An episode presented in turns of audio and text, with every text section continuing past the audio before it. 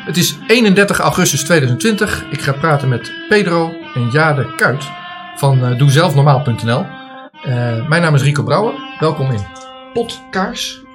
Potkaars zijn gesprekken met kaarslicht. Gesprekken die hoop geven en licht met activisten en andere mensen die leuke dingen doen. En dit zijn mijn gasten. Welkom. Dankjewel. Waar komen jullie vandaan?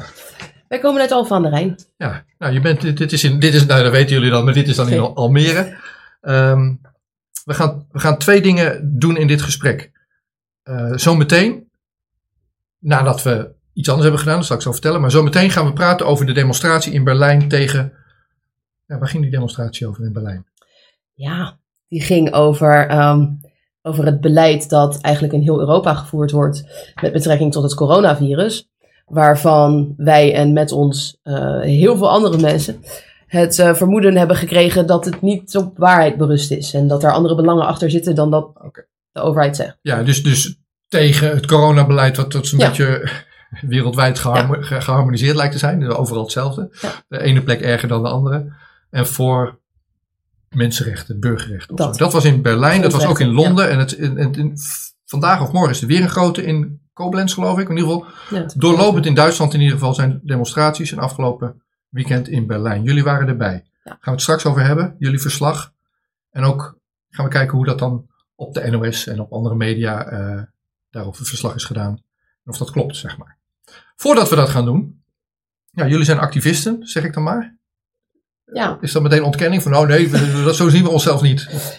Nou ja, zo kan je het wel noemen inmiddels, denk ik. Maar het is niet helemaal alsof dat expres ging of zo. Op een gegeven moment dachten we gewoon, oh, nu, nu zijn we activisten ineens. Ja. Hoe is dat gebeurd? Ja, daar hangt zo'n woord aan activisten, hè, in de media. Als je activist bent, ben je extreem. Uh, ja. Milieuactivisten die je rond ziet lopen op gewelddadige manier en dergelijke. Dus in die zin voel ik me geen activist. Ik voer actie en ik verzet mij tegen het coronabeleid van de Nederlandse regering. Ja, dus laten we zeggen, voor maart was, was je geen activist? Voor maart was ik geen activist, nee. Wat was je, wat was je voor maart dan? Uh, ik was gewoon een normale Nederlandse burger die als zelfstandig ondernemer zijn centjes verdiende. Okay. En die geconfronteerd werd met het virus op 16 maart en op 30 maart er niks meer van geloofde. Ja.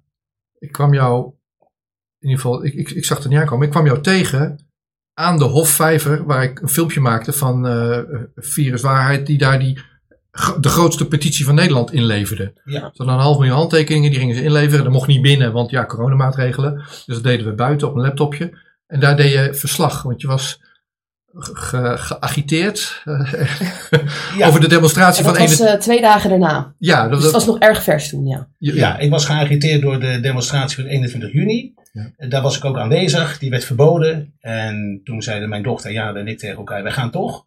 Want demonstreren is een grondrecht. Ja. En ik ben daarheen gegaan en ik heb wat bloemetjes meegenomen. En ik ben op het Malieveld gaan zitten op een kleedje met die bloemetjes bij me. En dat duurde geen drie minuten. En toen stonden er twee agenten. En die zeiden dat wij ons moesten verwijderen van het Malieveld ja. omdat wij demonstranten waren. Ja. En toen zei ik, waar houdt u vandaan dat wij demonstranten zijn? Ik zeg, het is vaderdag, ik heb een paar bloemen van mijn dochter gekregen. Ja, maar dat was ook onzin, want je was wel demonstrant. Dat was natuurlijk onzin, wel. Het ging mij om het principe dat die man zei van, nou, jij bent demonstrant. En dat zag hij aan de bloemen. Ja. Daar, 21 juni, op die demonstratie, had jij zoiets, als ik je goed begrijp, en in het voorbespreken eh, dat, zei je dat. Uh, daar ben je begonnen.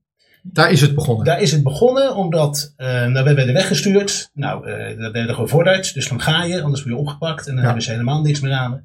Dus we zijn gegaan, toen is er nog een sit-in geweest. En Stanley, ik weet zijn achternaam niet, die donkere man die uh, ook bij de laatste demonstratie zag, die hield een hele toespraak en um, die zei: Gaan jullie zitten? En nou, dat hebben we gedaan. Toen zijn we weggegaan. En toen zijn we met ongeveer 30 mensen een rondje door het centrum gelopen. En toen werd ik zo boos. Toen zei ik tegen mijn dochter: We gaan gewoon terug. En als ik opgepakt word, dan word ik opgepakt. Dus ja. zijn we teruggegaan. En ondertussen waren er een paar duizend mensen in het Centraal Station ja. uitgelopen. Met en op, wij kwamen bij het Malieveld terug. En opeens stond het daar vol met mensen. En toen werd er actie gevoerd. En op een gegeven moment riep de politie om dat, minister, dat burgemeester Remkes tot toestemming had gegeven om tot twee te demonstreren. Ja. Dus dat hebben wij gedaan. En rond twee uur liep dat Malieveld leeg. Ik dacht, nou, we gaan. En we zijn richting Centraal Station gelopen. En tot mijn grote verbazing werden wij daar opgewacht door een politiemacht. Ja, en het moet duidelijk vermeld worden daarbij dat dus ze hebben de, de, de toegang tot het Centraal Station was geblokkeerd. Maar je kon ook het centrum niet meer in. liep in een fuik. En je kon ook niet de, aan, aan de andere kant voorbij het station, waar onze auto stond. Daar kon je niet komen. Ja, nou, voor de mensen die Dus- alleen naar het NOS-journaal kijken, of RTL-journaal, of, eh, of de, kranten, de grote kranten lezen. ehm, dat was die dag waaraan Rutte later refereerde als, dat waren die doorgesnoven hooligans. Die dag, toch? Ja, dat, was, dat was die dag. Ja. op die plek is op een gegeven moment onrust ontstaan. Ja. Volgens Rutte dus door doorgesnoven hooligans. Maar En, Nou. en- en dat, dat- daar, daar ging bij mij het, eh, het licht uit, zeg maar. Want, Ja, of aan. eh, ja, of aan. ja, of aan, ja, eerder. ik- ik- wat ik daar zag gebeuren, dat had, had ik eh, nooit verwacht dat het in Nederland mogelijk was. Het geweld wat uit werd gelokt door eh, agenten in Burger die uit een busje kwamen. En die zag ik als eerste geweld plegen tegen een aantal jongens. En er stonden bouwhekken tussen het Centraal Station en het Malieveld. En daar stonden mensen achter die al op leeftijd waren. Die wilden van dat weg. Malieveld af, terug naar hun auto. Ja. Maar die konden er niet door. En die werden bedreigd aan de andere kant door ME'ers, oude mensen. En toen was er één iemand uit de demonstratie, een nogal potige jongen, die pakt zo'n bouwhek op en dat gooit hij, dat gooit hij opzij, zodat die mensen erdoor konden. Nou ja, toen ging helemaal de beer los. En toen, eh, Toen kwamen begonnen de agenten met slaan. En die waren constant aan het uitlokken. Ze hebben mij ook uitgelokt. Ze, ze, hebben, ze zijn onder mijn ogen bijna over een klein meisje heen gereden met het waterkanon. Die man heeft daar aangifte tegen heeft van gedaan bij de Rijksrecherche. Het was een chaos. Nou, dat is verschrikkelijk. Dat is een van de voorbeelden dat maakte dat je zei, ik ga er wat aan doen. Ja. Je kwam op het idee, ik ga doezelfnormaal.nl registreren. Wat, Ja. i- wat, wat is, en ik laat het zo zien, wat is Doe Zelf Normaal en waarom die naam en wat wil je ermee bereiken? Ehm, En dan ben je niet meer in beeld, maar dan zien je mensen je website. doe zelf normaal. ehm, die naam die heb ik afgeleid van een debat een aantal jaren geleden tussen Wilders en, eh, en Rutte. Waar het ging over eh, Erdogan, president Erdogan uit Turkije. vrij bekend. eh. En toen werd Erdogan volgens Rutte door Wilders een islamitische aap genoemd. En toen zei Wilders, eh, doe eens normaal. En toen zei Nee, Rutte zei, doe eens Rutte normaal. doe eens normaal. En toen zei Wilders, doe jij normaal. En toen zei, op. Nou ja, maar een gegeven moment viel het woord, doe zelf normaal. Dat zei Rutte. En omdat ik dat een debat was tussen Wilders en Rutte, vooral dat Ja. Rutte die uitspraak ook deed, heb ik het doe zelf normaal genoemd. Oké. En vooral Ook omdat Rutte maar het steeds omdat heeft over het nieuwe normaal. Ja. Denk ik, ja, doe jij zelf normaal. Eh, jouw normaal is niet normaal. wat is jouw actie op doezelfnormaal.nl? Dat is begonnen met het publiceren van alle leugens die ik Rutte heb horen vertellen in de afgelopen jaren. En doezelfnormaal.nl staat voor betrouwbaarheid. En dat, doen, dat benadrukken wij omdat Rutte niet betrouwbaar is. Wat wij zeggen en wat wij publiceren, dat kunnen we bewijzen. En dat kunnen we bewijzen aan de hand van bronnen. Die men, dus mensen kunnen zelf nagaan of het klopt wat op deze website staat. Ben je nou activist of ben je burgerjournalist? Of is dat hetzelfde? Ik ben iemand die de, de grondrecht van Nederland verdedigt. Ik heb jou gevraagd om van die, dat lijstje leugens wat je gepubliceerd hebt op je eh, website, de belangrijkste. Wat, is, wat zijn voor jou de, de, de, de- wat zijn de echt belangrijkste? En de eerste die we nu gaan, daar, heb ik, daar gaan we er drie van bespreken met elkaar. Ja. En de eerste gaat terug op dat incident van 21 juni, die demonstratie waar je net over vertelde. Ja. En daar heb ik een plaatje van. Want Ja. de- deze mensen, dit zijn dan die, eh, Romeo's. dit zullen niet, de, ja, met Romeo's bedoel je eh, agenten in burger. Dit zullen niet de doorgesnoven hooligans zijn in de, in de definitie van Rutte, denk dat ik denk dan. ik niet. Maar, ehm, Dit zijn politieagenten. maar dit zijn wel de mensen die ik geweld heb zien plegen daar. Ja. ja. Ik herken ze ook gewoon als Ja. ik die beelden zie. En ehm, ja, ik heb zo meteen een fragment van iemand die uitlegt, die, zoals jij dat ook doet, maar dan vanuit een andere, hoek, denk ik. Wat daar precies gebeurde. Dus dat komt zo meteen. Ehm, maar ik kwam jou tegen. We hebben een avontuur gehad. Dat heb ik gehoord, ja. We waren zelf niet aanwezig. moet echt lopen om mijn leven. Ja. En rennen voor die tank gewoon. En voor die tank die achter ons aan zat. En, eh, ja, Ja, voor mij wel. het was echt... eh, Waren jullie erbij op het Malieveld? Ja. ik ben geïnterviewd door de NOS. Dat stond nog op de liveblog. eh, dat stond erin. dat Ik zag die NOS-reporter. En die ging dat Hoffatjeshuis binnen. Dat was, ik was er al om tien uur. Dus, eh, Nou, toen vertelde je het verhaal wat je hier ook Ja. vertelt.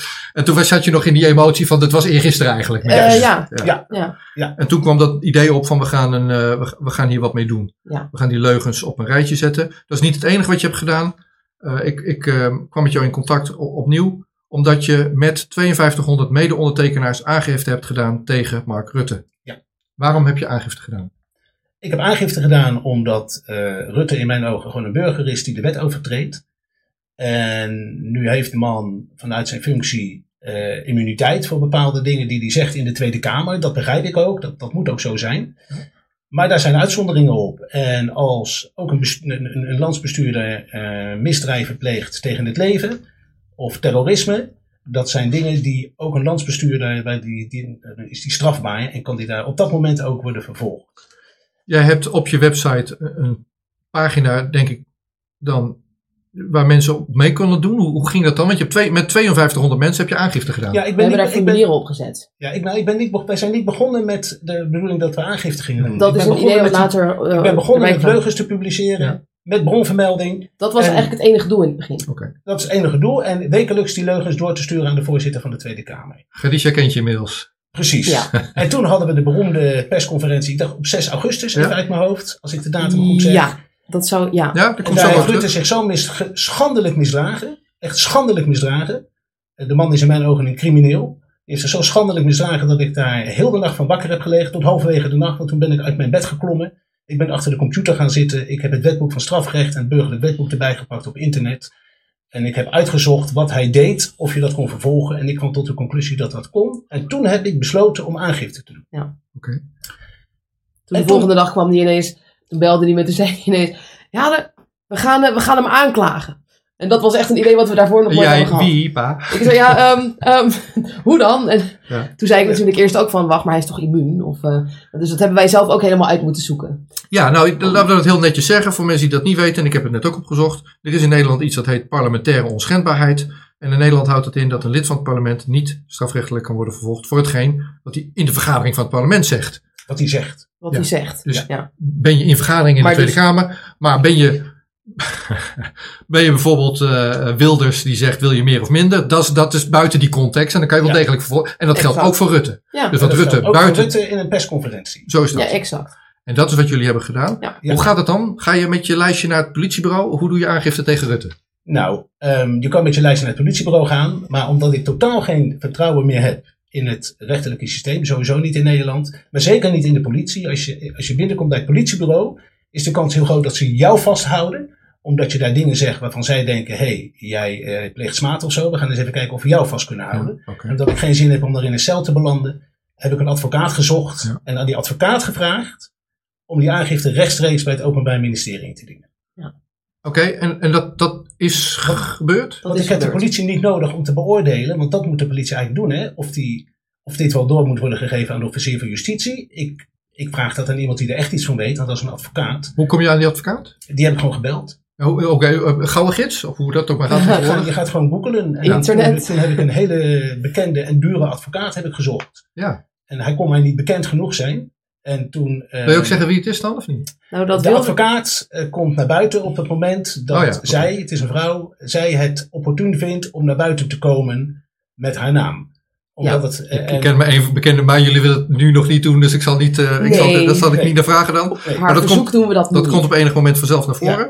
En dan valt het nog niet eens mee om een advocaat te vinden die hier de vingers aan wil branden. Ja. Eh, omdat dat natuurlijk zeer gevoelig ligt. Van, Ja. Want zo'n advocaat, een goede advocaat, is ook gemotiveerd. Die doet het niet alleen voor het geld. Ja. En er zijn verschillende advocaten die heel veel hadden kunnen verdienen.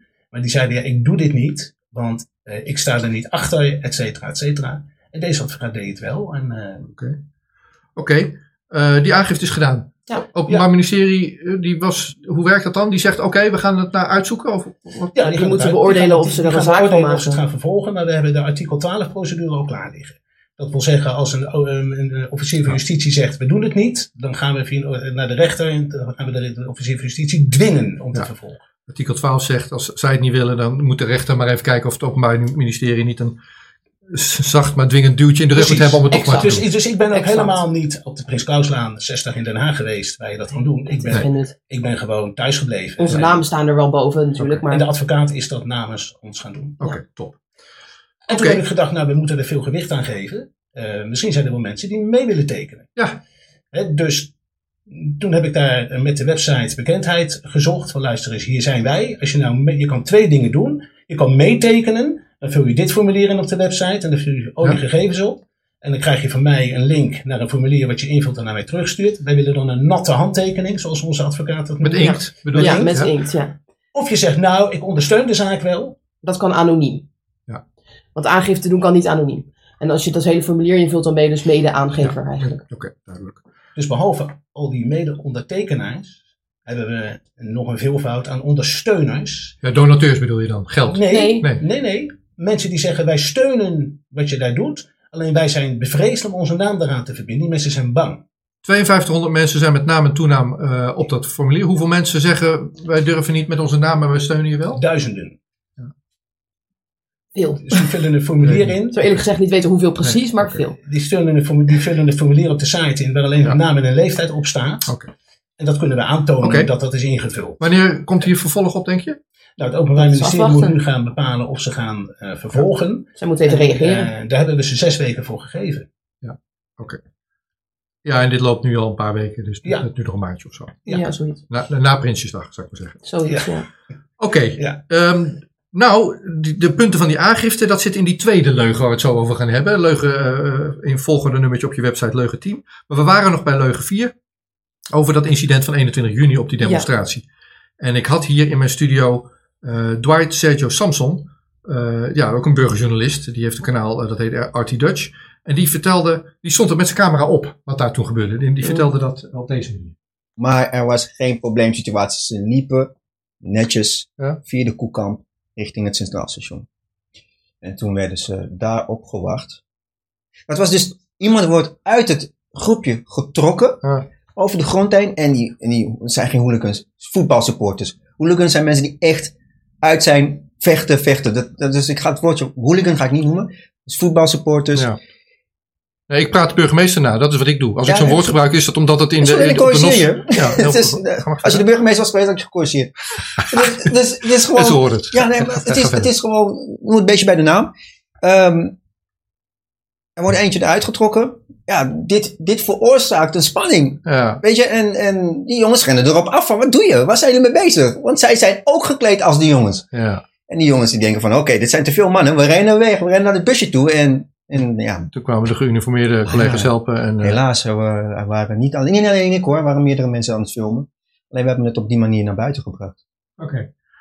Jullie issue met Mark Rutte hierin, want het lijstje leugens van Mark Rutte, daar hebben we het nu over. Ja. Is, eh, Mark, jij noemt dat doorgesnoven hooligans.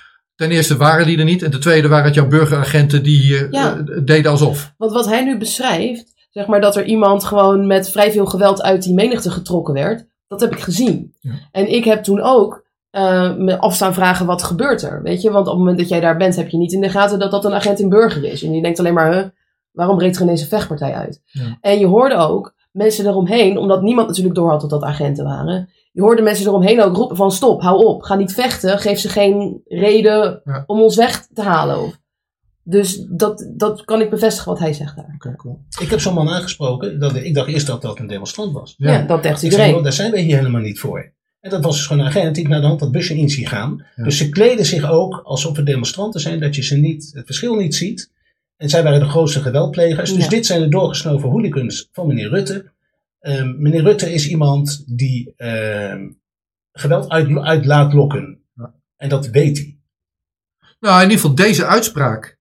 Ja, ik denk ook dat het bewust is. Dat, dat, dit is niet, Als hij het op dat moment niet wist, heeft Maar hij deze- naar de hand van de, van de leider van de politiekorps gehoord. deze uitspraak is op konto van Rutte. Hij noemt ze doorgesnoven Ja, hooligans. precies. En of hij de architect is van het geweld van 21 juni of niet, dat weet ik niet. Maar dat maakt niet uit. Hij Dat kiest voor uit, die ja. term eh, en framed het op die manier. Dat mag je op plaats Dat nemen. Als hij- inderdaad als framing, ja. Als hij echt denkt dat het doorgesnoven hooligans zijn, dan heeft hij een heel groot probleem. Met zijn politiekorps. Ja, want dan heeft hij geen idee wat ze aan het Dan doen doen ze, zijn. doen ze het achter zijn rug om. En als hij het, en als hij het wel weet, dan heeft hij ook een, dus zijn man heeft sowieso een probleem. Ja, nou wij hebben daar ook een beetje een probleem mee. En vandaar dat jullie daar wat Ja. transparantie op zetten. Dit was dan die leugen nummer 4. Kunnen mensen teruglezen op je website. Ja, Doe zelfnormaal.nl. De tweede die ik je vroeg van, eh, ik vroeg je drie voorbeelden te maken. De tweede die landde eh, ja, in, die, eh, in die aangifte. Eh, eh, en dat ging over de persconferentie van 6 augustus. Ja. Een ingelaste persconferentie van Rutte. En eh, je zegt het was een verzameling leugens en manipulatie die we niet Hmm. eerder hebben gezien. Hij heeft zich schuldig gemaakt aan dood door schuld. Gaan we het zo over hebben. Bedreiging. Staat ook in je aangifte. En terrorisme. Ja. Nou, dat zijn nogal uitspraken gericht aan onze minister-president. ja. Kan je me uitleggen wat je bedoelt met dood door schuld? ja. Ehm, in, in de woorden van, van onze eigen overheid en van eh, minister-president Rutte zijn er meer dan 6000 mensen gestorven aan corona. Er even van uitgaande dat dat waar is, waar ik ook mijn vraagtekens bij zet, maar ik ga er even vanuit dat dat waar is. Ehm, is er ondertussen genoegzaam aangetoond dat besmettingen niet buiten plaatsvinden. Er is een groot onderzoek uit, onder andere uit China in Wuhan, waar eh, bijna 1500 besmettingen zijn onderzocht, waarvan één buiten had plaatsgevonden van mensen die heel langdurig, heel dicht bij elkaar, twee mensen met elkaar hadden gesproken en waarvan de één ziek was. Dus dat vindt buiten niet plaats. Het vindt binnen plaats en dat is ook wetenschappelijk aangetoond door Maurice de Hond. En Maurice de Hond doet dat niet zelf. Die heeft daar virologen voor die die raadpleegt. En ik heb daar een linkje ook eh, op mijn site naar verschillende wetenschappelijke onderzoeken. En dat gaat om de zogenaamde superspread events. En dat zijn mensen in afgesloten ruimtes met z'n allen bij elkaar. Ja. Die, eh, waarvan er bijvoorbeeld één het virus bij zich draagt. En dan krijg je dat in de lucht. En dat verspreidt zich en dat circuleert daar en dat blijft daar hangen. En mensen ademen dan langdurig dat virus in. Ja. En dan worden ze ziek. Dat is aangetoond op een zangkooi. Ja. ehm, waar In, een- 18 in een kerk, mensen, geloof ik. ja, waar mensen aan het zingen waren. Die hielden netjes anderhalve meter afstand. En die werden door één iemand allemaal ziek. Dus die aerosolen zweven in de lucht en die adem je in. Even één, één, één, we gaan zo weer verder. Een, een puntje van eh, organisatie en van orde. Eh, ik vind het fijn als dit filmpje online blijft, ook op YouTube. Ja. En eh, in het verleden zijn filmpjes van onder andere Maurice de Hond, eh, maar ook die huisarts Rob Elens, Ja, eh, zijn offline gehaald, zijn Ja. weggehaald. Ik download ze Om- altijd gelijk naar mijn eigen harde schijf. Ja, nou, ik vind het wel fijn als die voor mij online blijft. Dus Ja. ik wil je vragen, en je moet je woorden kiezen zoals je dat zelf Ja. wil. Maar, maar, maar probeer ze te kiezen als het lukt in, eh, in, eh, volgens de gebruiksvoorwaarden van, eh, van YouTube. En als je dan zegt, Maurice de Hond heeft aangetoond, dan zou ik zeggen, Maurice de Hond heeft een literatuurstudie gedaan, een onderzoek gedaan. En heeft eh, ge- ge- geconcludeerd dat besmettingen in de buitenlucht onwaarschijnlijk zijn. Of in ieder geval dat het veel, veel waarschijnlijker is dat dat binnen gebeurt op het moment waar je, waar je eh, het luchtcirculatiesysteem, die kleine druppeltjes, die aerosolen, eh, mensen besmetten. maar, Ja. maar En, en dan, kies mij... dan zeg je ongeveer hetzelfde. Dat wou ik maar alleen maar zeggen. Ik vind het een beetje lullig als mijn filmpjes, we stoppen er zoveel energie in, zou ik Ja, dan gaan we het doen voorbij. Maar dat, dat dood door schuldpunt, daar wilde ik naartoe. Of eh, je, je wil graag iets zeggen. Eh, nou, Nou, zeg maar, ik heb, ik heb niet het idee dat je sowieso heel veel hoeft te verwachten van YouTube. Al helemaal niet in de, in de toekomst. nee, nee, ik wil, ze gaat graag alleen voor me maar- laten, ik wil ze voor me laten werken. Jawel, nee, dat begrijp ik wel. Maar ik, ik, ik zou zelf, en dat is ook een punt wat ik, wat ik zelf, waar ik heel erg mee bezig ben nu de laatste tijd. Ja. Ik vind dat mensen zich bewust moeten worden van de hoeveelheid censuur die plaatsvindt op, op reguliere Ja, sociale zeker, media. zeker. En dat ze eigenlijk ook, zou iedereen zich moeten verplaatsen naar andere sociale media. Zeker. Nou, dan laat ik dat even dan. Ik heb een, is mijn- nou, ik heb een, eh, een, eh, een nieuwsbrief. Podcast heeft een nieuwsbrief. En Ja. die- en onder elk interview staat ook een linkje daar naartoe. Mhm. Word daar lid van. Want op het moment dat we van de kanalen als, pod, als ehm, YouTube en Twitter afgekikt Ja. worden. Maar er zijn kan wel je- alternatieven voor. Hè? Dan kan je deze filmpjes ook terugzien nu al op uh, BitChute, BitChute, ja, daar zit ik Eh, zelf heel veel op. Library.tv, eh, True.tube. Er zijn verschillende plekken en ook de audio-interviews kan je op verschillende plekken terugzien. Ondertussen, wacht maar. Ja. Ja, Ja, maar dit is een goed punt. het leidt af van het onderwerp, sorry. Ja. Nou, dus ik doe dat ook. Ik roep mensen Ja. ook op om ergens anders naartoe te gaan. Maar Nederland zit op Facebook en Nederland zit op ja, YouTube. dat is zeker en op het moment dat jij daar afgekikt wordt, of je bent Maurice de Hond en je wordt van LinkedIn afgekikt, Ja, dat dan, is wel eh, natuurlijk eh, een dingetje, ja. dan is. Heb je geen publiek meer. Nee, klopt. Ja, en dat is juist wat we proberen eh, voor elkaar te krijgen. Terug naar die dood door schuld. Ja. Jij zegt, Rutte, jij hebt, in mijn woorden, bloed aan je handen. Er zijn mensen dood gegaan en dat had je kunnen voorkomen. Wat heeft hij precies verkeerd gedaan? Eh, Rutte, eh, voor, dood door schuld, daar is nalatigheid voor nodig. Dus ehm, als je dit en dit had gedaan, had dat niet gebeurd. Nou, als Rutte serieus had genomen en zelf serieus onderzoek zoek had laten doen door een onafhankelijk instituut en niet het RIVM, door een onafhankelijk instituut naar ehm superspread events en de, de, de, de aerosolen, eh, dat die wel degelijk volgens veel onderzoeken de oorzaak zijn van waarom mensen ziek worden. Als hij dat onderzoek had gedaan, en daarna had gehandeld, want uit, mijn overtuiging had uit dat onderzoek gekomen, en dat is- ook uit die onderzoeken gekomen die Maurice de Hond heeft laten doen, dat juist superspread events, dus afgesloten ruimtes met veel mensen bij elkaar, dat daar mensen ziek worden. En hij had daarna gehandeld, nou, bijvoorbeeld gezegd, nou we gaan nu in hoog tempo dat ventilatie, eh, die ventilatiesystemen aanpassen. Maurice de Hond had daar een, een naam voor, een of andere actie dat hij zegt, dit moeten we gaan doen. Ja, filters veranderen, ioniseren, eh, raampje open. Dat. Hij had er een, een heel actieplan voor. Dat. Ehm, en dan had dat bijvoorbeeld ook gedaan, en want dat triggerde mij ook bij die tweemaster in, in Maasluis. Ja. Daar gingen nogal wat mensen gingen daar, eh, gingen daar dood. Ja. En wanneer daaraan geadviseerd was, installeer een ander ventilatiesysteem. Of zorg dat mensen niet in afgesloten ruimte zitten, maar lucht door en lucht door en lucht door. Ja. Dan is het zeer waarschijnlijk dat er geen of veel minder doden zijn, er zijn gevallen. Dus nalatigheid is een voorwaarde voor dood door schuld. Ja. Rutte is hier nalatig, omdat hij steeds maar weer het mantra herhaalt, wat je ook van de Wereldgezondheidsorganisatie hoort. Afstand houden. En als je nou afstand houdt, dan zijn we allemaal veilig. Ja, dat Nou, dus dat blijkt dus gewoon niet zo te zijn. dood door schuld is wel eh, hard. En, ehm, en terecht dat je het zegt. Een ander nalatig ding is, nu gaan alle kinderen weer naar school. En was het Hugo de Jonge die zei, ja, als ze zich nou maar houden aan het bouwbesluit. eh, eh, Ja. Misschien was het Rutte zelf, ik, dat weet ik niet precies. Maar er werd gezegd, als scholen zich houden aan het bouwbesluit, dan is alles goed. Wat een dooddoener is, want ik, ik heb zelf les gegeven. En elke school, elke klas is bedompt, zou ik maar zeggen. Nou, dat Eh, is grappig dat je dat ja. zegt, want je hebt een, ik, weet, ik moet wel even af van de jaartallen. Je hebt volgens mij een bouwbesluit uit, daar kan ik naast zitten, 2012 en je hebt er uit 2002. Alle scholen die maar 2002 hebben, die voldoen sowieso niet aan de goede ventilatie. En die uit 2012, die voldoen er ook niet aan. Dus als je niet als aan het nieuwste bouwbesluit voldoen, dan wordt de lucht nog steeds gecirculeerd. Ja. Terwijl de lucht vervest moet worden, nieuwe lucht van buiten, oude eruit. Ja. En dat is wat Maurice Hond heeft laten onderzoeken. En die onderzoeken heeft hij gepubliceerd. En die onderzoeken zeggen, als je dat doet, dan heb je ook die aerosolen niet meer die blijven hangen. Hè? Al die virusdeeltjes in de lucht. Dus hij is zijn, zijn zoals onze advocaat, advocaat dat noemt. Als, jij, als ik jou sla, dan pleeg ik een misdrijf. En dat stopt nadat ik jou geslagen heb. En dan word ik gearresteerd en aangeklaagd. Ja. Maar het misdrijf van Rutte gaat door. Hij pleegt elke dag dat hij niets doet, hetzelfde misdrijf. Dood door schuld. En dat wordt steeds ernstiger. In verpleeghuis De Tweemaster in Maasluis zijn vorige maand 17 bewoners positief getest op COVID-19. Zes daarvan zijn inmiddels, eh, inmiddels overleden. Geheim rapport RIVM, ventilatiesysteem. En, en eh, in een eerder interview eh, ehm, haalde ik ehm, eh, Pierre Capel aan.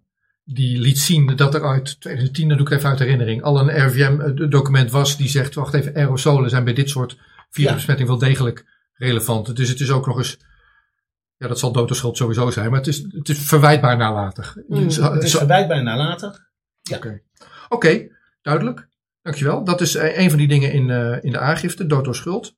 Een ander punt die je maakt in de aangifte is eh, bedreiging. Dus je zegt Ja. eigenlijk, Mark Rutte bedreigt mensen. Ja, hij bedreigt mij persoonlijk. Ja, vertel maar hoe jij je bedreigt iedereen persoonlijk. Hoe wij ons bedre- bedreig weten, ja, volgens jou, door Mark Rutte. Ja, nou, hij, hij bedreigt mij door mij te vertellen dat ik mij aan bepaalde regels moet houden, bijvoorbeeld anderhalve meter. En als ik dat niet doe, dat de kans groot is eh, dat ik ziek word.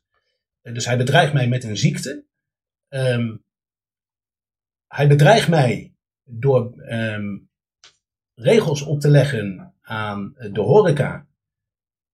Hou anderhalve meter afstand. Hij, hij zegt niet tegen de horeca, breng je ventilatierborden. Nee, hij beperkt de horeca aan alle kanten en de evenementenbranche. Ja. Eh, ik trouw mensen voor mijn beroep. Dus hij bedreigt mij in mijn inkomen. Hij neemt mij mijn inkomen weg. Dat heeft hij actief gedaan. En ehm, op, eh, op onjuiste gronden. Dus hij bedreigt, hij bedreigt mij met het afnemen van mijn werk. Hij zegt, sterker nog, hij zegt, ehm, we zijn nu weer eh, uit de lockdown. Maar wanneer jullie jullie je niet aan de regje houden, want jullie doen het niet goed. ehm, Dan krijg je dubbel en het, dwars Doe het liever niet, maar dan gaan we weer helemaal dicht. Ja, ik heb daar, ik heb daar een stukje van eh Ja. En dan corona. Het virus is bezig aan een gevaarlijke opmars. Dit is bedreiging. De Deze cijfers uitspraak. liegen er niet om. Het aantal besmettingen neemt al een paar weken achter elkaar toe. En we dreigen de winst te verspelen die we met elkaar in de afgelopen maanden hebben geboekt. Onze boodschap vandaag is dan ook simpel. Een tweede lockdown willen we niet en die hoeft er ook niet te komen. Maar dat gaat niet vanzelf. Feitelijk is dat dus ook een bedreiging. Dat is- dat is- hou je aan de maatregelen is- of ik doe je een tweede maar dat lockdown. is, ik begrijp ook niet hoe zoveel mensen hier naar kunnen luisteren zonder het idee te hebben van dat we worden toegesproken alsof we een kleuterklas zijn of zo. Dat, dat, kan, dat kan toch gewoon niet? Maar de woorden die man kiest, Je bent echt boos, hè? ja, de Ja. woorden die die kiest, Ja.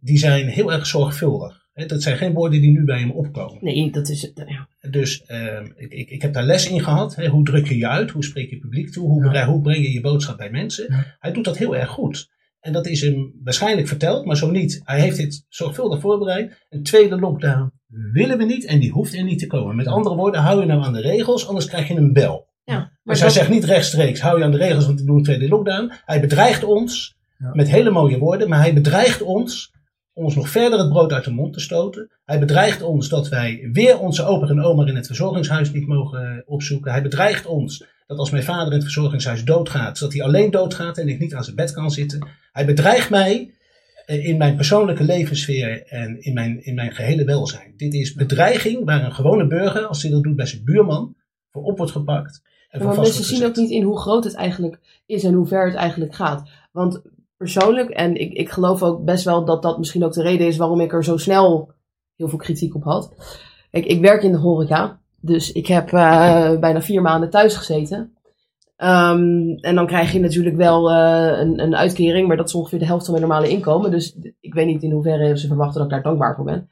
Maar ehm, wat ook Oh, nog... wacht even één seconde. Wopke Hoekstra is nu al eh, begonnen, sinds vandaag geloof ik, door te zeggen, ja, we moeten straks wel bezuinigen, want al dat geld dat we hebben Ja, uitgegeven, vermogen. dat is eh, eigenlijk een sigaar uit eigen doos. Dat Ja. Ja, eigenlijk wel. Maar, maar ehm, wat, ik, wat, ik, punt wat ik wil maken is, mensen zeggen, heel veel mensen die het niet met mij eens zijn, die zeggen, oh joh, stel je toch niet zo aan, joh, het valt gewoon mee. En eh, zo beperkt zijn wij helemaal niet, want het is geen echte lockdown, en dat hele riedeltje.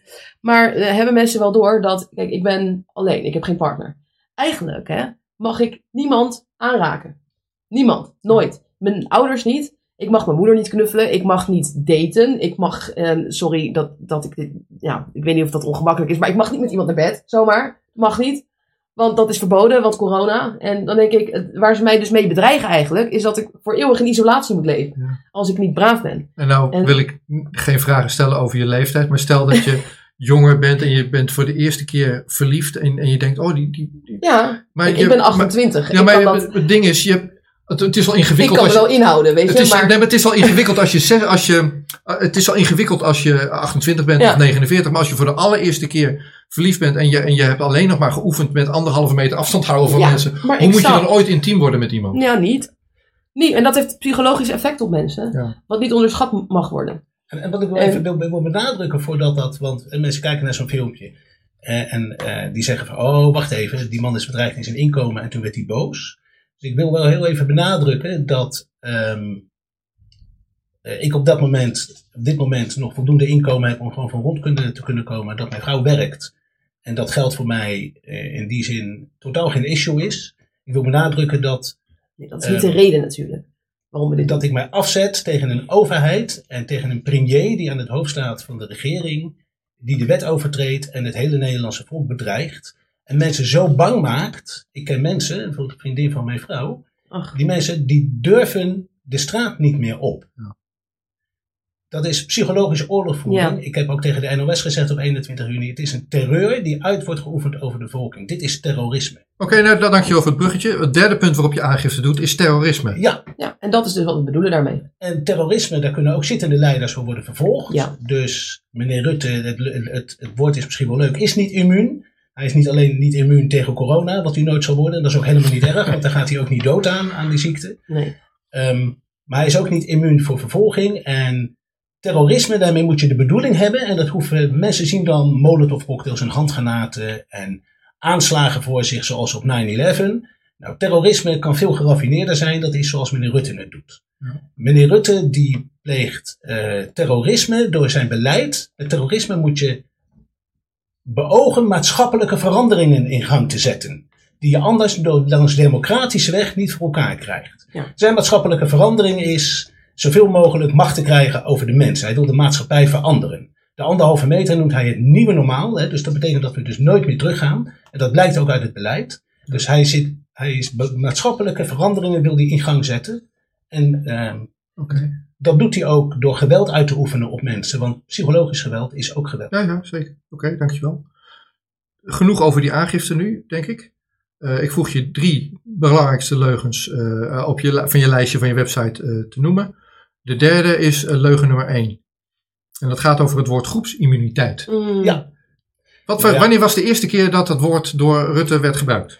Dat was de dag na de sluiting van de horeca.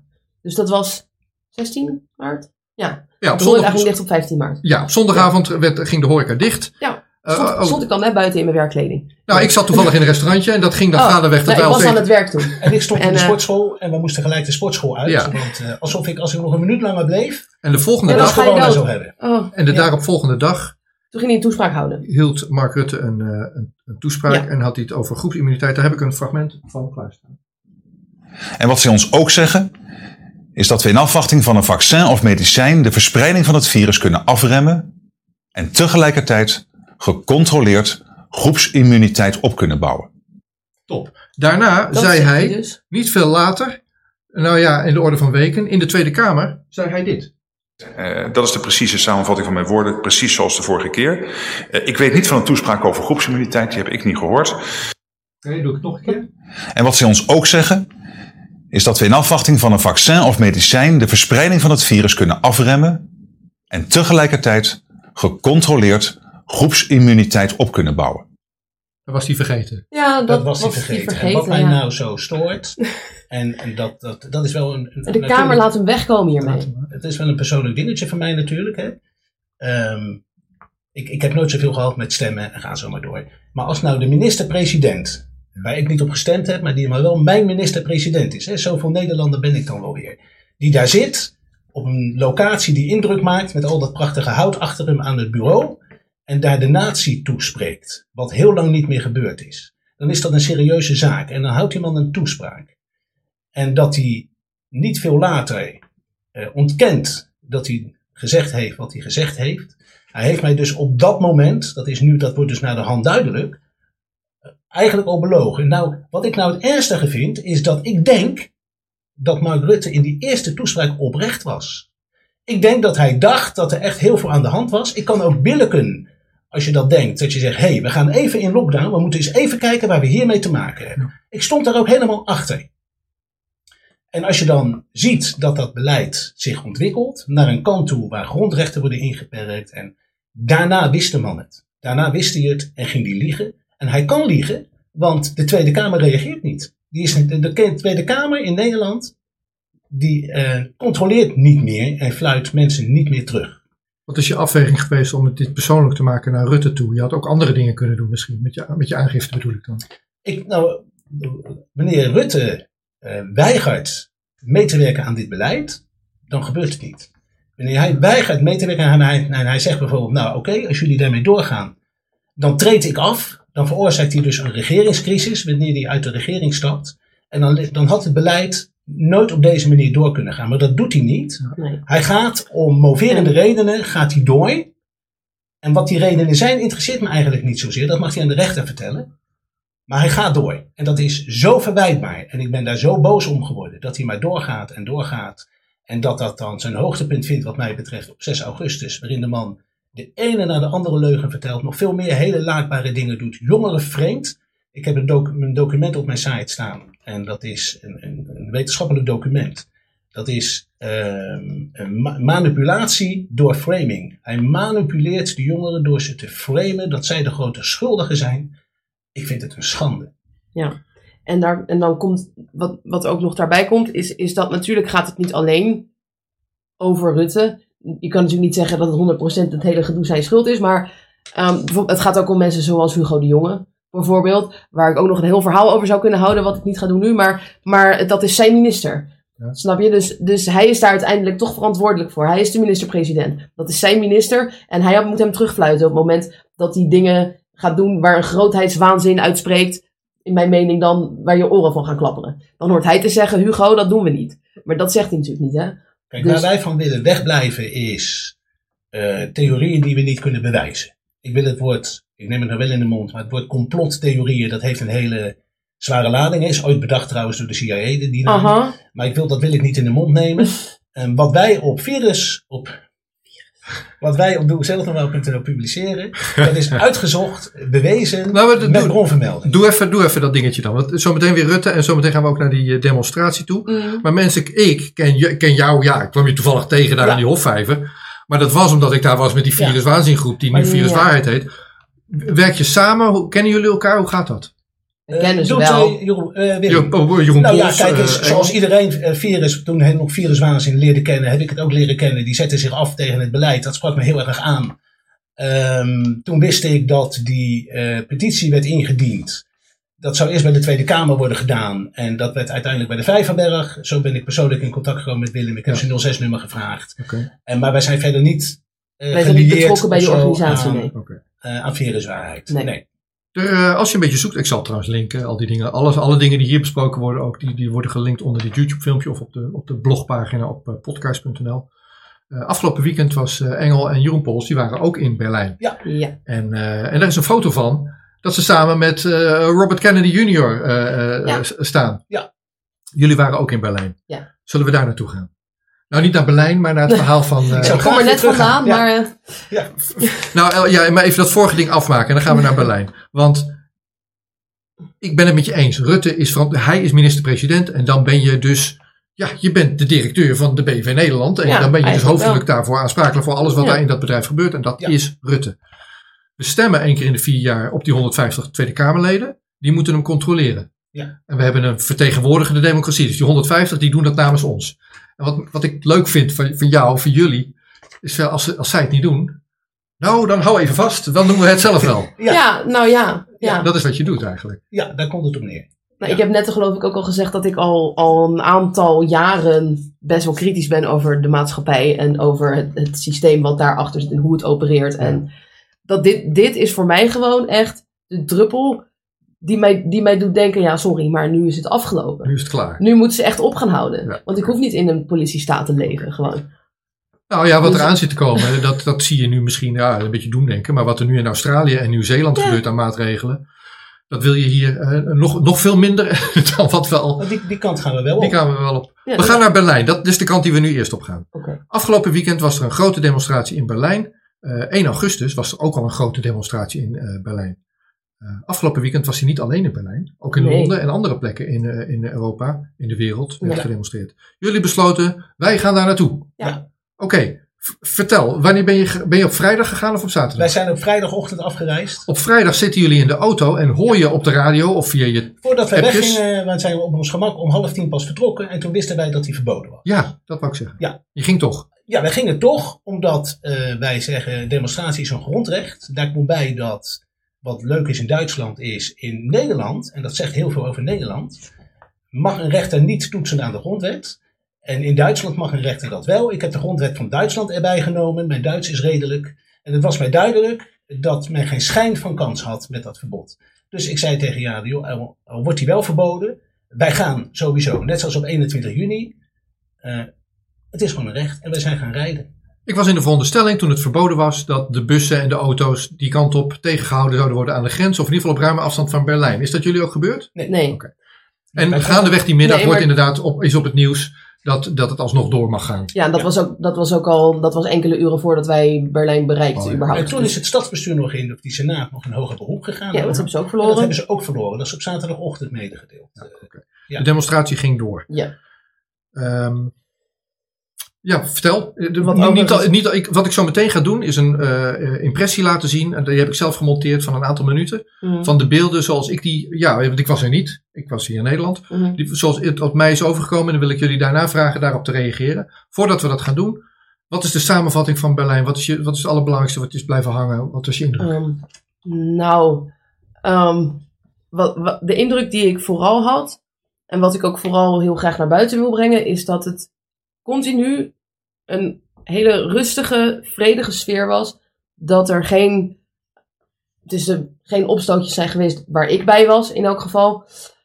Ehm, dat het dus geen zins ging om mensen die naar die stad zijn gekomen om geweld te plegen of om te rellen of wat dan ook. Het was ook geen sinds het geval dat dit een extreem rechts protest was van neonazies, zoals dus wel in de media wordt gezegd. Dat is gewoonweg niet waar. Ehm, en wat ook nog een, eh, een ding is wat, waar ik eh, wel aandacht aan wil besteden, is dat de politie, ondanks het feit dat het dus wel toegestaan was, kwamen wij op een gegeven moment, hoe heet het daar, op de Friedrichstrasse? Ja. Ja, daar kwamen wij ehm, eh, in aanraking met de politie, omdat zij dus mensen tegenhielden. Want wij wilden dus naar de plek waar het grote podium was. Dat mocht niet, want die agent zei het maximum aantal mensen is bereikt en je mag er niet door.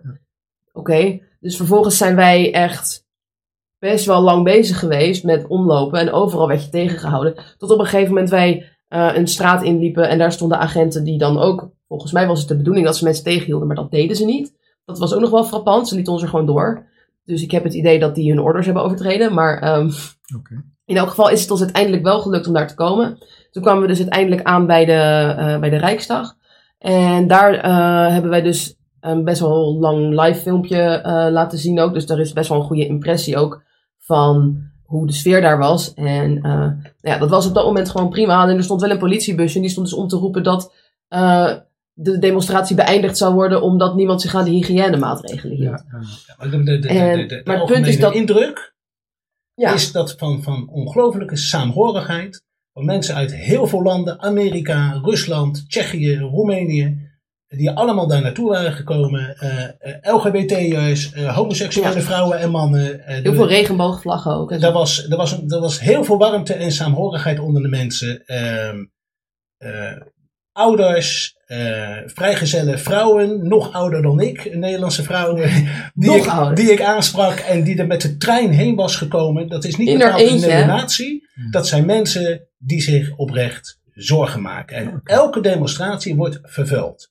Zo ook deze demonstratie. Ja, Natuurlijk. het is zo. En Vervuild met, met, met, Met- met- laster, zou ik maar Met zeggen. Antifa Ja. bijvoorbeeld. Antifa met, met, en- met, met misschien verkeerde mensen. Met, misschien wel met nazi's inderdaad. Nou ja, die zullen niet- er best hebben gelopen. ik wil even zeggen dat, want dat, dat is natuurlijk iets waarvan, je, waarvan ze je dan gaan beschuldigen achteraf. Eh, inderdaad, ik heb op mijn foto's en filmpjes eh, ook eh, beelden van mensen die dus met die ehm, rood-wit-zwarte vlag lopen van... eh, Die willen terug naar de grenzen van voor de ja, Tweede Wereldoorlog. Ja, dat is een vlag die geassocieerd wordt met neonazies. Dat is waar. Het, het komt in mijn filmpje terug. Laten we daar nu eens naar kijken. En dan wil ik jullie daarna vragen op te reageren.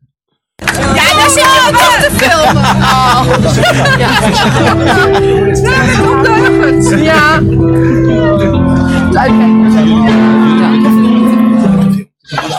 We launched in the United States the Children's Health Defense. We launched it to protect children from large corporations from the pharmaceutical industry. Dit is eh, John Kennedy. Het, neefje van, of, het neefje van John Kennedy. Robert Kennedy. Dit is het grote podium.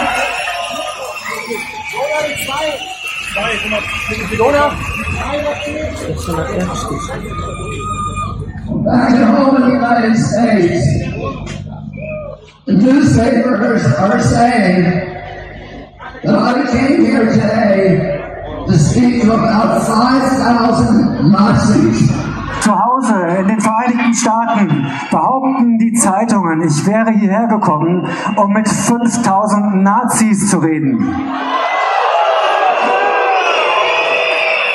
And tomorrow, they're going to report that yes, I was here and that I spoke to maybe three to 5,000 Nazis. In Duitsland is geschokt gereageerd op de bestorming van het parlementsgebouw door rechtsextremisten gisteren. Tijdens de anti-corona-demonstratie in Berlijn braken enkele honderden demonstranten door het politiecordon. Bondspresident Steinmeier noemt het een aanval op het hart van de democratie. Dat is de Nou, dat Steinmeier zich aangevallen voelt, dat snap ik dan weer wel. Ja. Want ja, zijn democratie wordt wel onder druk gezet. Wahnsinn! Ja, als je dat überhaupt een paar honderd demonstranten drongen door een muur van politieagenten. Ze renden de trappen van het Rijksdaggebouw op en sommigen gooiden met flessen en stenen. Ook zwaaiden mensen met zwart-wit-rode vlaggen. Deze Rijksvlaggen herinneren aan het Duitse keizerrijk en staan symbool voor de afwijzing van democratie en het nastreven van een totalitaire staat.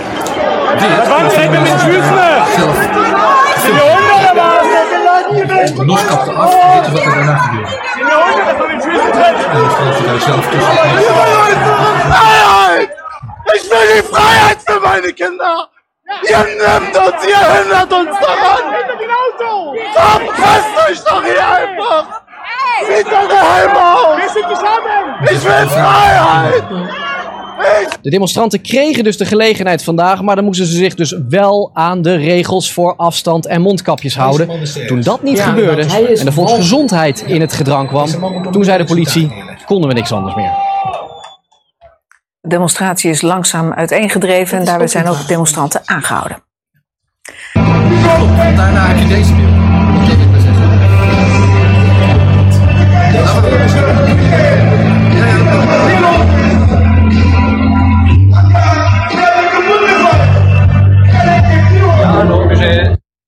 Dit is manystream.media. We hebben zelf ook Ja. vanuit Nederland al die livestreams van mensen zelf met hun telefoontjes verzameld, zodat mensen Ja. zelf kunnen terugzien. Manystream.media. Wat is er nou echt gebeurd in Berlijn? En, en dat is, geeft een andere indruk dan wat je zag net ook op het eh, NOS-journaal. Wat ik wilde zeggen is, op het NOS-journaal leer je... Dat is klaar. Zo. Op het NOS-journaal leer je dat de demonstratie eh, op zaterdag zou zijn opgebroken. Want mensen hielden zich niet aan de hygiënemaatregelen. Eh, jullie waren daar. Ja. Eh, wat heb je meegekregen van het eventueel opgebroken worden van de demonstratie? Nou, we waren bij de Helemaal. Tor en toen werd er door zo'n politieauto, eh, zo'n busje omgeroepen dat mensen afstand moesten houden. En eh, dat is wat er gebeurde. Er zijn heel even drie of vier agenten door de menigte gerend om wat indruk te maken. En, daar, en, en dan had je het ook wel gehad. En voor de rest werden de demonstranten met rust gelaten. Het is op geen enkel moment opgebroken. Nee. Eh, de hele Friedrichstraße en Unterlinde stonden vol. Ik heb daar gesproken met een, een jonge vrouw, een agent, die daar met een helm op stond. En wij moesten eigenlijk door die menigte heen naar de andere kant van de Friedrichstraße om naar de dus Brandenburger Tor te komen. En toen heb ik haar aangesproken. Ik zei, joh, mag ik er even door? Want ik wil naar het hoofdpodium. En eh, ze verstond me niet. Ik zeg, nou, heb je lijst meneer die dat, dat ding omhoog doet en een mondkapje af, dat u mij wel verstaat. En dat deed ze. En eh, toen heeft zij mij de weg gewezen naar de Brandenburger Tor.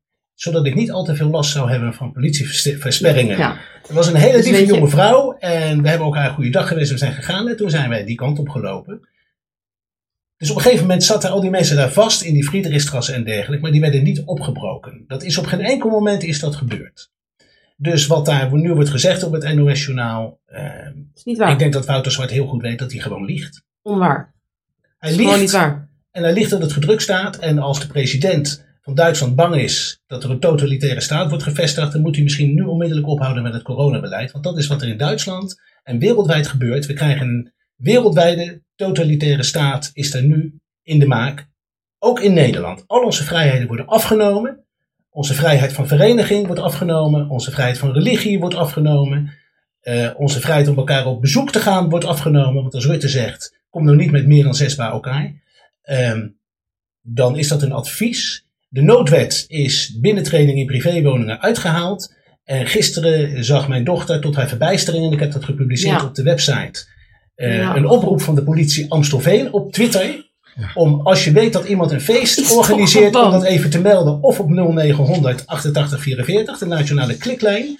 Of op, bij, mel, bij Meld Misdaad Anoniem. Sorry? En ik had gisteren mijn zoon in Aruba aan de telefoon. En die zegt, pap, dat is voor mij toch wel de eerste keer dat ik het woord misdaad en feestje in één zin hoor noemen. Sorry, en toen ben ik uit mijn bed geklommen. En toen heb ik een brief geschreven aan de burgemeester van, eh, van Amstelveen. Dat, ik heb hem een aantal vragen gesteld. Mensen kunnen het terugvinden op de nieuwssectie. Ehm, of de politie dit op eigen houtje heeft gedaan of dat hij ervan weet. En of hij misschien dan een voorschot neemt op de noodwet. Want hier spreekt alles uit van nou dan komen we even binnen op uw feestje En om dat op te mag breken. niet. Dat is, mag niet. Dus als je het hebt over Dus- een totalitaire staat, nemen de burgemeesters, die ook allemaal kleine dictators mogen zijn nu, zoals Abu Talib met zijn mondkapjes en mevrouw Halsema, die nemen daar alvast een voorschot op. Nou, even, ik heb zelf ook een burgemeester. Dit wordt opgenomen in Almere. En eh, Ja. Frank Weerwind is mijn burgemeester. Is ook de hoofd van de veiligheidsregio waar ik dan in eh, woon. En al enige tijd geleden heb ik eh, Frank Weerwind, bij deze nogmaals meneer Weerwind, uitgenodigd om hier te vertellen. Hoe gaat het nou in Almere dan? Wat hebben wij hier meegemaakt aan, die, aan het coronavirus? En hoe, wat, wat, wat vind jij er nou van? Wat is, wat is de goede manier om daar eh, vanuit deze veiligheidsregio mee om te gaan? En hij was kennelijk op dat moment op vakantie, maar halverwege augustus zou eh, ja, hij daarop terugkomen. Dit, nu, ja, het is nu eind augustus, ik heb daar nog niks van gehoord. Ik zal morgen even bellen opnieuw Nou. met, eh, met het bureau. Ik zou er niet Want- veel van verwachten.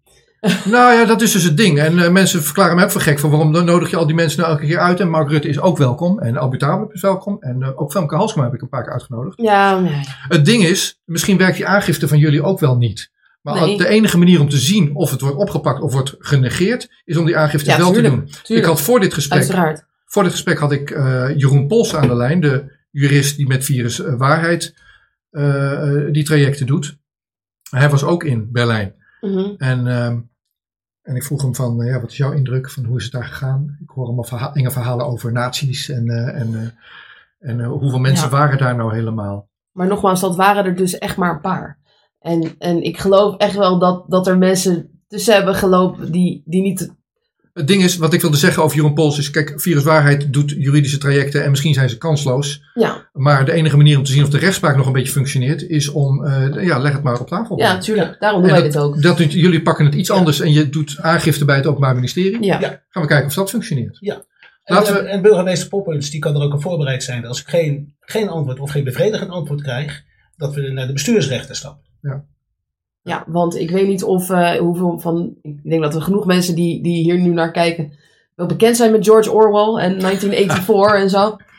Sorry, maar dit is gewoon. Dit, dat is gewoon dit, dit, dat is dit boek in levende lijven wat er nu ge- gebeurt. Ja, het is ik, gewoon. ik zag die, eh, misschien was het wel, ik zag op Twitter dat eh, berichtje van de politie die zegt van, hey, als je iemand een feestje ziet organiseren, Ja. meld misdaad anoniem. Daar doe ik ook op. Ja, dat begrijp ik. En ik, ik reageerde erop ook met een berichtje. Ja, we zitten allemaal in de echokamer van Twitter. Van eh, als je nog ergens menselijk gedrag ziet, meld misdaad anoniem. Ja, maar Want echt. dat is wat er gebeurt. Ja. Iemand die een feestje wil houden, dat is illegaal geworden. Ja. En dat is eh, Orwell met zijn Newspeak. Eh, f- feesten is crimineel. Ja. Ja. Van elkaar houden is verboden. Ja. Knuffelen mag niet meer. Ja. Dat begon met een handgeven. Ehm, ja, wat, ik, wat mijn plan was, en dat wil ik toch nog even proberen. eh, Dat, dat fragment wat we net zagen van Berlijn nog een keer langs laten komen. En dan, maar dan in korte stukjes. Mhm. En daar iets verder op ingaan. Dus dat gaan we dan nu doen. Kijk, hij is wat kleiner nu, want ze hebben hem al gezien. Oh ja. En dan zet ik hem op, eh, op play en op pauze. Want dit hebben jullie gefilmd. Het allereerste fragment, dit ben jij. Dat ben ik. Ja, dit Dit is de sfeer in de straat. Ja. Ja. Omschrijf de Dit sfeer is in de straten Unter van. Ja, hoe, hoe- De sfeer in de straat. Ja. beschrijf dat. Hoe was dat dan? Ja, het was super vredig. En gewoon iedereen was eh, vrolijk ook. Want iedereen, het effect wat zo'n demonstratie heeft, wat, tenminste wat het op mij heel erg heeft, Ja. dat iedereen heel blij is om met gelijkgestemde mensen te zijn. Omdat je zo vaak belachelijk wordt gemaakt in het dagelijks leven gewoon. En mensen boos op je worden en zeggen: Je hebt mijn oma vermoord. En, Ja. en weet dat soort belachelijke uitspraak. En dan ben je gewoon onder mensen die het met jou eens zijn en, en die jouw ideeën delen. En dat is gewoon Nou ja, en met je een aangifte wat heel maak veel je. het- saamhorigheid eh Ik schept. denk dat dat goed is. De, de, de, de- die, die, die demonstratie doet wat we in het dagelijks leven niet meer mogen. En dat Precies. is samenbinden. Mensen zijn sociale wezens. En mensen hebben behoefte om elkaar aan te raken. Ja. Mensen hebben daar behoefte aan. En dat, dat kun je niet verbieden. En op, die demo, op, een- op een demonstratie, niet alleen deze, maar op een demonstratie voel je dat mensen weer samenbinden. Van de weer omstuit, elkaar gaan knuffelen. Dat wordt dan Ja. provoceren genoemd. Van kijk eens, ze gaan tegen Ja. de regels in. Maar besef eens goed wat voor regel dat is. Dat mensen elkaar niet meer aan mogen raken. Voor een virus waarvoor er op dit moment bijna niemand in het ziekenhuis ligt. Dus je mag elkaar niet meer aanraken. Die, samen, die saamhorigheid, de samenbinding. Die beleef je op die demonstratie. Dat is dit fragment. Ja, daar zit je ook op te filmen. Oh. Ja.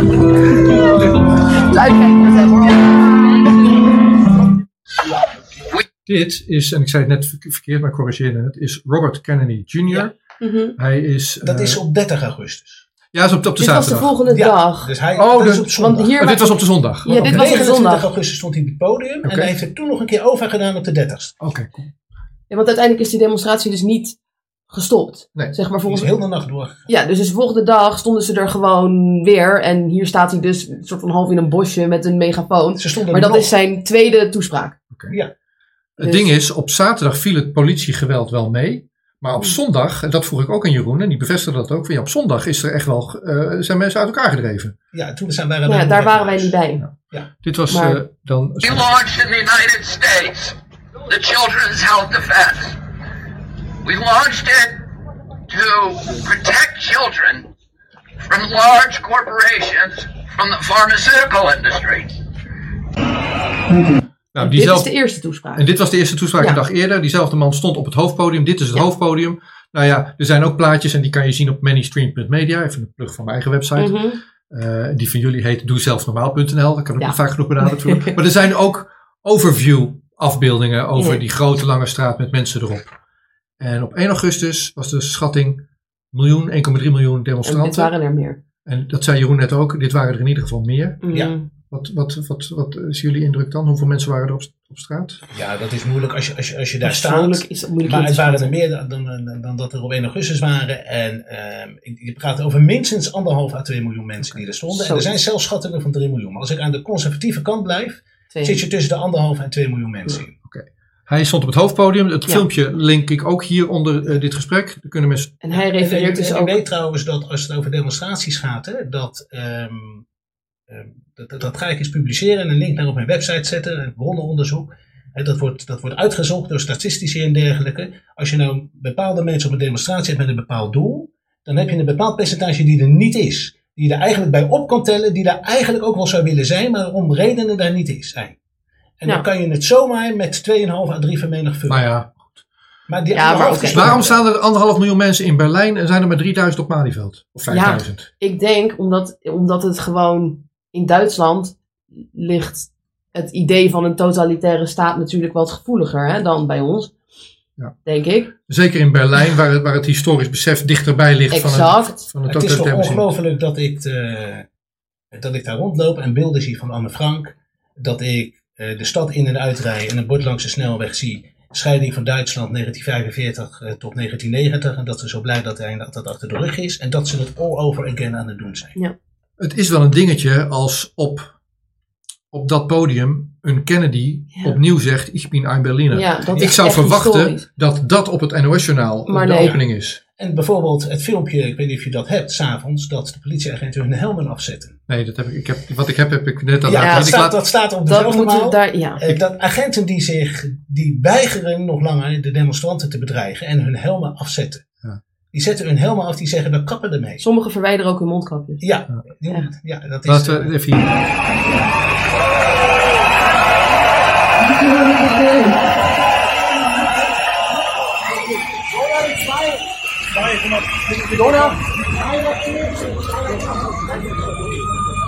Back home in the United States, the newspapers are saying that I came here today about 5,000 Nazis. Het ding is, ik was dus in Nederland, maar ik kreeg ook berichtjes van mensen die zich zorgen maakten. Maar Rico, je bent daar toch niet? Het is allemaal rechts, rechts, rechts. Je gaat daar toch niet tussen staan? De marketingcampagne om die demonstratie in een slecht daglicht te stellen, Ja, heel is succesvol. wel erg succesvol. Maar ehm, hij, eh, Kennedy refereerde dus ook aan iets waar we het eh, eerder in het gesprek al over hadden. Ehm, wat, wat wij daar deden, en wat hij ook zegt, is: dit is het tegenovergestelde van nazisme. Dit, wat, wat jullie daar doen, is, is, heeft niks te maken met nazisme. En, en dat is heel belangrijk om te weten, denk ik. Dit was geen extreem rechts protest. En dat weet iedereen die erbij was. Maar je hoeft alleen Maar- maar, logisch na te denken. Gewoon als mens logisch na te denken. Eh, daar staan daar anderhalf à twee miljoen mensen. En dat zouden dan anderhalf à twee miljoen nazi's zijn. Ja. Probeer ze maar eens te vinden in Europa. Ik Ja, bedoel, eh, dat is, Oprechte neonazies? het is Dat zijn er echt niet zoveel. onmogelijk. Zu Hause in den Vereinigten Staaten behaupten die Zeitungen, ich wäre hierher gekommen, um mit 5000 Nazis zu reden. And tomorrow, they're going to report that yes, I was here and that I spoke to maybe three to 5,000 Nazis. In Duitsland is geschokt gereageerd op de bestorming van het parlementsgebouw door rechtsextremisten gisteren. De NOS bedient zich daar ook van. Dus dat vond ik Ja. wel een mooie combinatie zeg maar, van wat Robert Kennedy aankondigt. En ik vind het ongelooflijk dat een, een, een, een Wouter Zwart, de man mag zich echt geen journalist noemen, dat een Wouter Zwart de straten van Berlijn doorgaat, ehm, de relletjes opzoekt die er bij elke demonstratie zijn en dan die mensen die dan die Rijksdag bestormen en dat daar over, verslag over wordt gedaan. De man die hoort door de straten te gaan en mensen te interviewen, random, links en rechts. Waarom bent Ja. u hier? Wie bent u? Bent u getrouwd? Wat is uw motivatie? Dat hoort hij te doen. Ze horen van de media een ploeg journalisten naar, naar zoiets toe te sturen. Want als ze nou willen aantonen dat het nazi's allemaal waren, hadden ze dat moeten doen. Nee, ze sturen een Wouter Zwart. En die doet daar dan op deze manier verslag van. Het is schaamteloos. Dit is geen journalistiek, dit is bagger. Hoe ken, Ja, hoe ken je... maar, hoe- ook, maar ook gewoon het hele feit dat ik. Dat, dat vind ik dus zo kwalijk eraan. Ik weet dat hij erbij was. Dus ik weet dat hij moet weten dat wat hij zegt niet waar is. En, en ik weet dat hij, dat hij moet weten dat, dat met opzet. Want je ziet net die beelden van die bestorming. Daar zie je Nou, er komt zo nog een stukje van, dat gaan we nog een keer laten zien. dan, dan zeg ik dit straks wel. Ja, oké. Ik wil vragen, hoe weet jij dat die meneer Wouter Zwart heet, die correspondent? Omdat Wouter Zwart overal bij is om te framen in demonstraties. En omdat hij op Twitter ook zei omdat, dat hij er omdat was. daar- omdat Wouter Zwart altijd op deze manier... Ik vraag het omdat ik in eh, Londen was in februari, een klein zijstapje, bij de uitleveringsrechtszaak tegen Julian Assange. Daar was de buitenlandcorrespondent van de NOS, Tim de Wit. En eh, die deed Ja. iets vergelijkbaars. Die, Origineel. die Ja. vertelde al, ja, dat, is, dat moet toeval zijn. Maar die deed eh, alleen het Amerikaanse verhaal vertellen van maandagochtend in die rechtszaak. En niet het verhaal van de demonstranten buiten of het verhaal van de verdediging. Nee. Waar, waar eigenlijk het verhaal van de, van de uitlevering van Assange over gaat. Ja. Dus eh, Wouter Zwart en Tim de Wit zijn allebei hier welkom uit te leggen hoe ze hun vak als correspondent invullen. Maar ik heb daar ook Hm. al zo'n persoonlijke mening over. Want ik was daar ook en ik zag Tim de Wit alleen op maandagochtend zijn verslag doen, zeg maar. Ja, dat is... Ja, ja. We gaan eh, verder. Tijdens de anti-corona-demonstratie in Berlijn braken enkele honderden demonstranten door het politiecordon.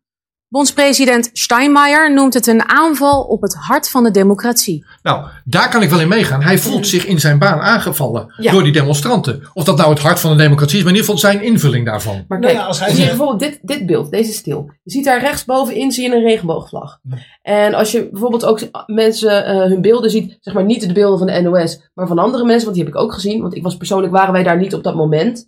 Maar je ziet superveel vlaggen, je ziet vlaggen van alle nationaliteiten, je ziet inderdaad die regenboogvlag echt heel vaak. En vervolgens, wat doet de NOS? Nee, die filmen eh, alleen die mensen die, die zwart met rood met witte vlag op hun rug hebben hangen. Die Ehm. mensen worden gefilmd langdurig en de rest van, van, van die groep niet. Rico, het was Woodstock. Mensen lagen met hun kinderen al heel de nacht op, Op kleedjes, kleedjes. Met de baby's en de hondje erbij. Ja. Daar allemaal rond dat monument lagen ze te wachten tot op het podium de, de, de, de, de Kennedy zou verschijnen. Mensen waren daar, deelden boterhammen met elkaar en de thermosflessen gingen de rijen door. Ehm, ik heb me daar geen moment niet op mijn gemak of bedreigd gevoeld. Oké, we gaan eh, dit afmaken. Das ist der Wahnsinn! Das ist der Wahnsinn! Wahnsinn! Een paar honderd demonstranten drongen door een muur van politieagenten. Ze renden de trappen van het Rijksdaggebouw op en sommigen gooiden met flessen en stenen.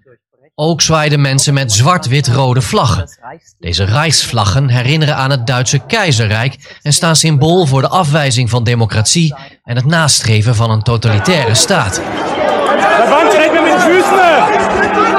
Wat mij opvalt is dat hier een demonstrant staat. Jongens, niet, we moeten hier geen, geen, geen we geweld hebben, zeg maar. Die meneer met die baard zo meteen die zegt, het gaat om de vrijheid van mijn kinderen. Dat was voor mij de essentie van Precies, van en, dit en, wat, wat mij dan opvalt wanneer die man zegt van, eh doe denken aan. En hij wijst terug naar die kwalijke periode. Maar ik hoorde NOS nooit zeggen dat de invoering van de noodwet doet denken aan de noodwet die door Hitler werd ingevoerd. Ja, maar echt. Waardoor deze man allerlei rechten kreeg en het allemaal deed ten goede van de burgers. Het was een noodwet. Eh kan je terugvinden op mijn website trouwens, die hele wet.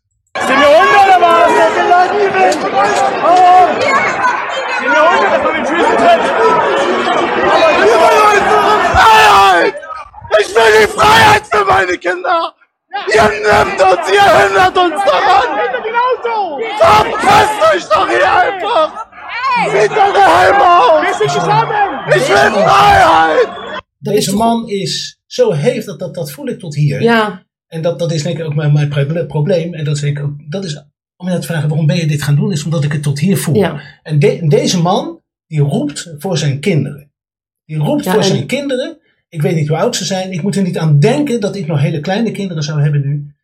Die man die roept voor zijn kinderen. En Ja, deze man, daar zou Wouter Zwart nou, die zou eens in de gaten moeten houden. Waar loopt hij naar de hand naartoe? En aan deze man moeten vragen. Ben jij een neonazi en wat, waarom stond je daar nou? En waarom bestormde jij dat gebouw? Waarom deed jij dat?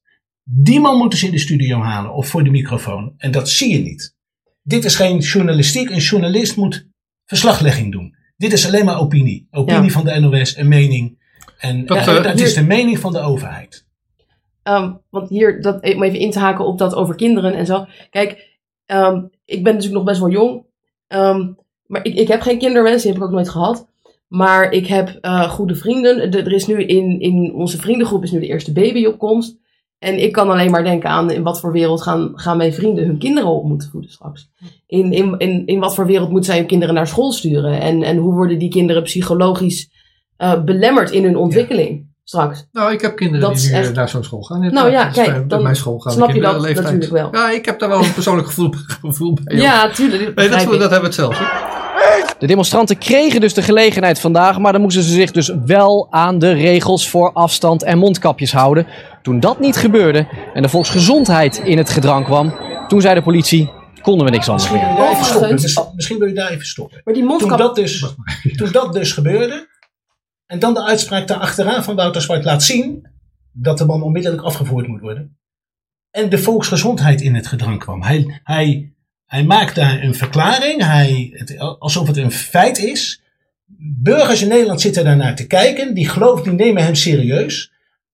Hoe komt hij daar nou bij dat daar de volksgezondheid in het gedrang kwam? Dan gaan we weer dezelfde kant op. Dat hij alles nablaat. Er is dus op geen enkele manier aangetoond, zelfs er is aangetoond dat het niet kan, dat het niet gebeurt. Nou, dat is het mooie van de demonstraties in Nederland ook. Dat We het buiten niet overdraagbaar Waar zijn is. de besmettingen Die dan? zijn er niet. Nee, precies. Waar dan? Dus deze man die doet een, een, een, een, die beweert daar iets wat hij gewoon als journalist niet kan niet onderbouwen. mag Je hebt net aangifte gedaan tegen Rutte. Ga je ook Ja. eh, eh, iets doen tegen de NOS? Nou nee, want ik denk als Rutte valt en die gaat vallen, dan kon- gaat de rest vanzelf mee. Hè? We hopen op een domino-effect. Maar- Dan gaat Merkel en dan gaan ze in België. Maar- Eh, dat is... eh, Je maar. Je- dat is de Nee, maar dat, dat, ik, ik, ik zit mezelf ertussen te... Ja. Maar dat komt omdat het gaat over dit en we nu daar weer van verwijderd raken. En dan is het weer... Nou ja, ehm, wat ze dus zeggen is dat die demonstratie opgebroken moest worden. Omdat mensen zich niet hielden aan onder andere het feit dat ze een mondkapje geacht werden te dragen. Dat is niet waar. Nee. De rechter die dus Heel die goed demonstratie heeft toegestaan, uiteindelijk alsnog, die had geoordeeld dat dat niet nodig was. Ja. Kijk, de afstand wel. Maar de mondkapjes die waren niet nodig volgens de rechter. Hij haalt het erbij. Onterecht, dat is wat je Hij haalt het Dat, erbij. ja, dat is niet waar. Hij liegt gewoon. Ja. Dat- Eh, hij, eh, eh, wat Of ook- hij is slecht geïnformeerd, dan is even erg. Dat is voor een Ja. journalist eh, even dat is even verwijtbaar als liegen. Ja, dus, Zo is eh, dat.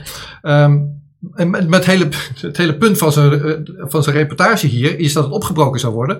Maar wat schetst mij verbazing als je de beelden ziet als de zon onder is. De demonstratie is langzaam uiteengedreven en daarbij zijn ook demonstranten aangehouden.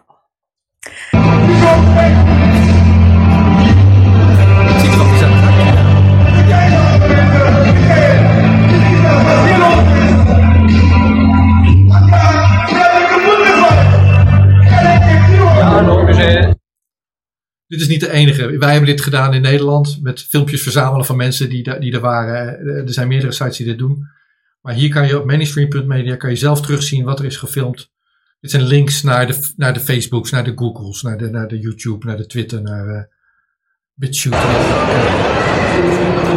Informeer jezelf, zou ik zeggen. Ja. Tot zover dan eh, dit. Heb je je verhaal kunnen doen?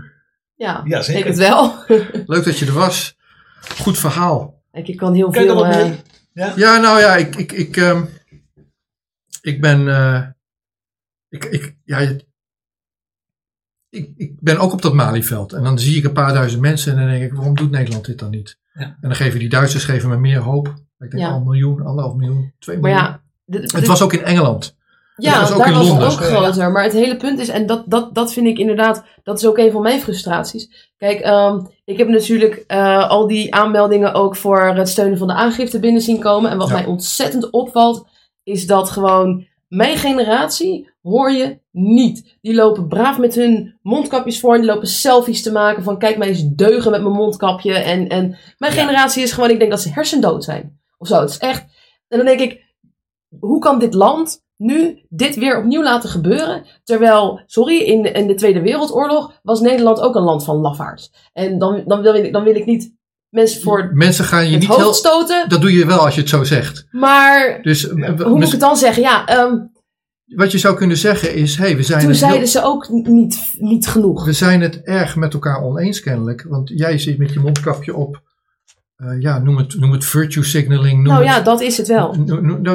het, het, ding is, er is een groot verschil tussen mensen die zich bang voelen. of die willen laten zien dat ze de regels volgen. en dat ze verondersteld andere mensen eh, eh, zorgen dat die niet ziek worden. Want dat is de gedachte van die, Ja, maar van hoe lang kun je blijven zeggen dat je iets niet weet? Want ze weigeren ook gewoon om elke andere vorm van informatie tot zich te nemen. Ze weigeren om bepaalde Op artikelen het moment te dat je ze benadert En- met zeggen: jij weigert dat, ze weigeren dat, dan heb je geen dialoog. Nee, En als je is- wil dat je die aansluiting hebt, dan denk ik dat het, het ding van, hé, hey, maar Rutte, we betalen jou een vorstelijk, Rutte, we betalen jou een vorstelijk salaris Ja. voor, voor het kunstje wat je doet Volgens mij moet ik heel veel belasting als- betalen. als minister-president.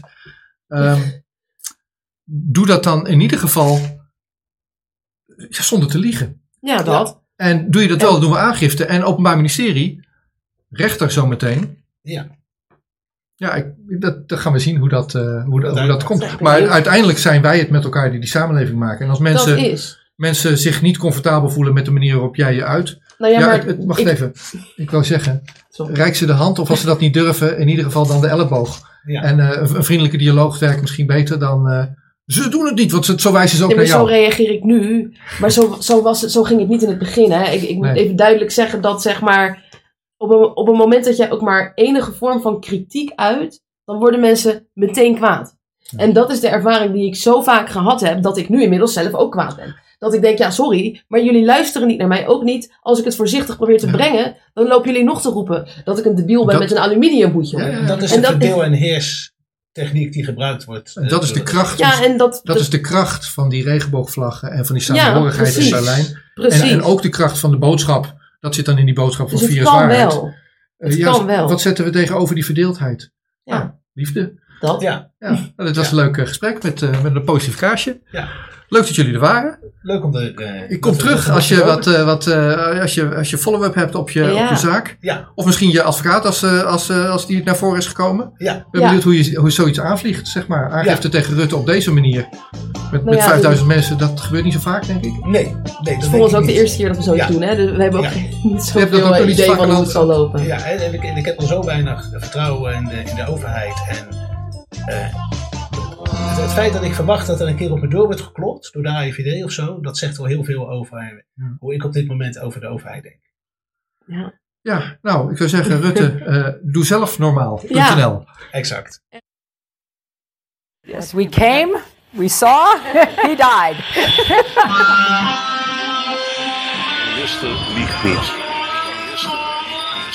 Every nation in every region now has a decision to make. Decision to make. You think I'm joking? Predator drones. You will never see it coming. Laat staan dat ik eh, kan ingaan over vuur.